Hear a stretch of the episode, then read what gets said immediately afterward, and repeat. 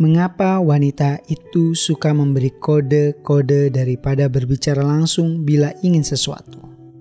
Darinya Vicky. Karena kebanyakan nonton sinetron atau drama terus baper dan berekspektasi laki-laki itu seharusnya sama seperti perempuan. Cowok ditanya-tanya seperti itu. No, please jangan pelajari cowok lewat TV atau show drama. Itu ide yang sangat buruk. Contoh, sebuah cuplikan drama Korea. Ada seorang cewek sedih moodnya nggak bagus, marah-marah, nggak jelas, sedih terus, tapi nggak mau ngomong apa-apa lalu berinisiatif si cowok langsung membawa dia jalan-jalan ke mall atau makan es krim, belanja, menghibur dia lalu ceweknya bahagia banget. Akhirnya dia bisa cerita semuanya ke cowok dan akhirnya mereka berpelukan. Jujur aja deh, semua wanita pengen dapat cowok seperti itu kan. Tapi maaf, Fernanda itu hanya ada di sinetron atau drama Korea. Kenyataannya laki-laki itu makhluk dangkal, tidak setajam itu daya pekanya terhadap perasaan wanita. Laki-laki bukan makhluk perasa, jadi jangan dituduh nggak peka karena mereka terlahir dengan kemampuan seperti itu.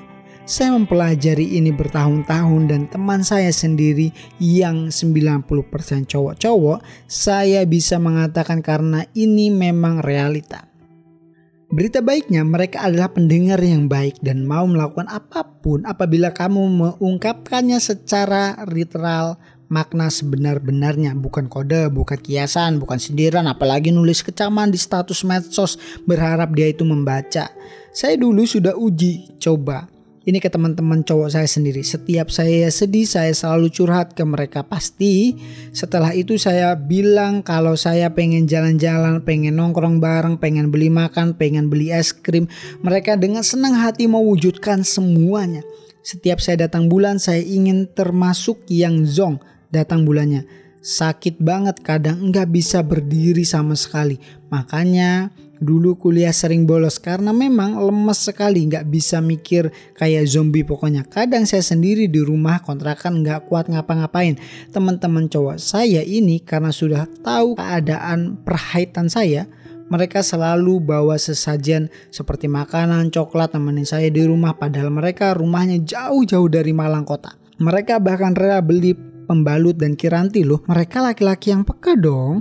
Enggak, karena saya minta. Lalu lama-lama ya mereka jadi terbiasa jadi beliin saya tanpa saya minta. Bahkan mereka selalu tanya kapan saya mens lagi biar mereka siap-siap jiwa dan raga saat saya berubah menjadi Nyi Blorong. Sekarang waktu saya merit dengan laki-laki dari dunia yang lain, berbeda culture, sudut pandang, kebiasaan, watak, kulit, dan berbeda semuanya.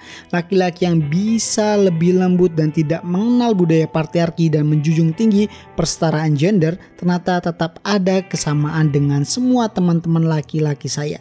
Dia tetap laki-laki yang tidak memiliki kemampuan untuk membaca kode karena pernah sesekali saya mencoba membuat kode ke dia dan tidak mengerti malah menjadi tidak nyambung bahkan miskomunikasi. Jadi, saya memiliki kesimpulan bahwa laki-laki itu bukan pembaca pikiran dan bagaimanapun kodenya tetap akan sia-sia.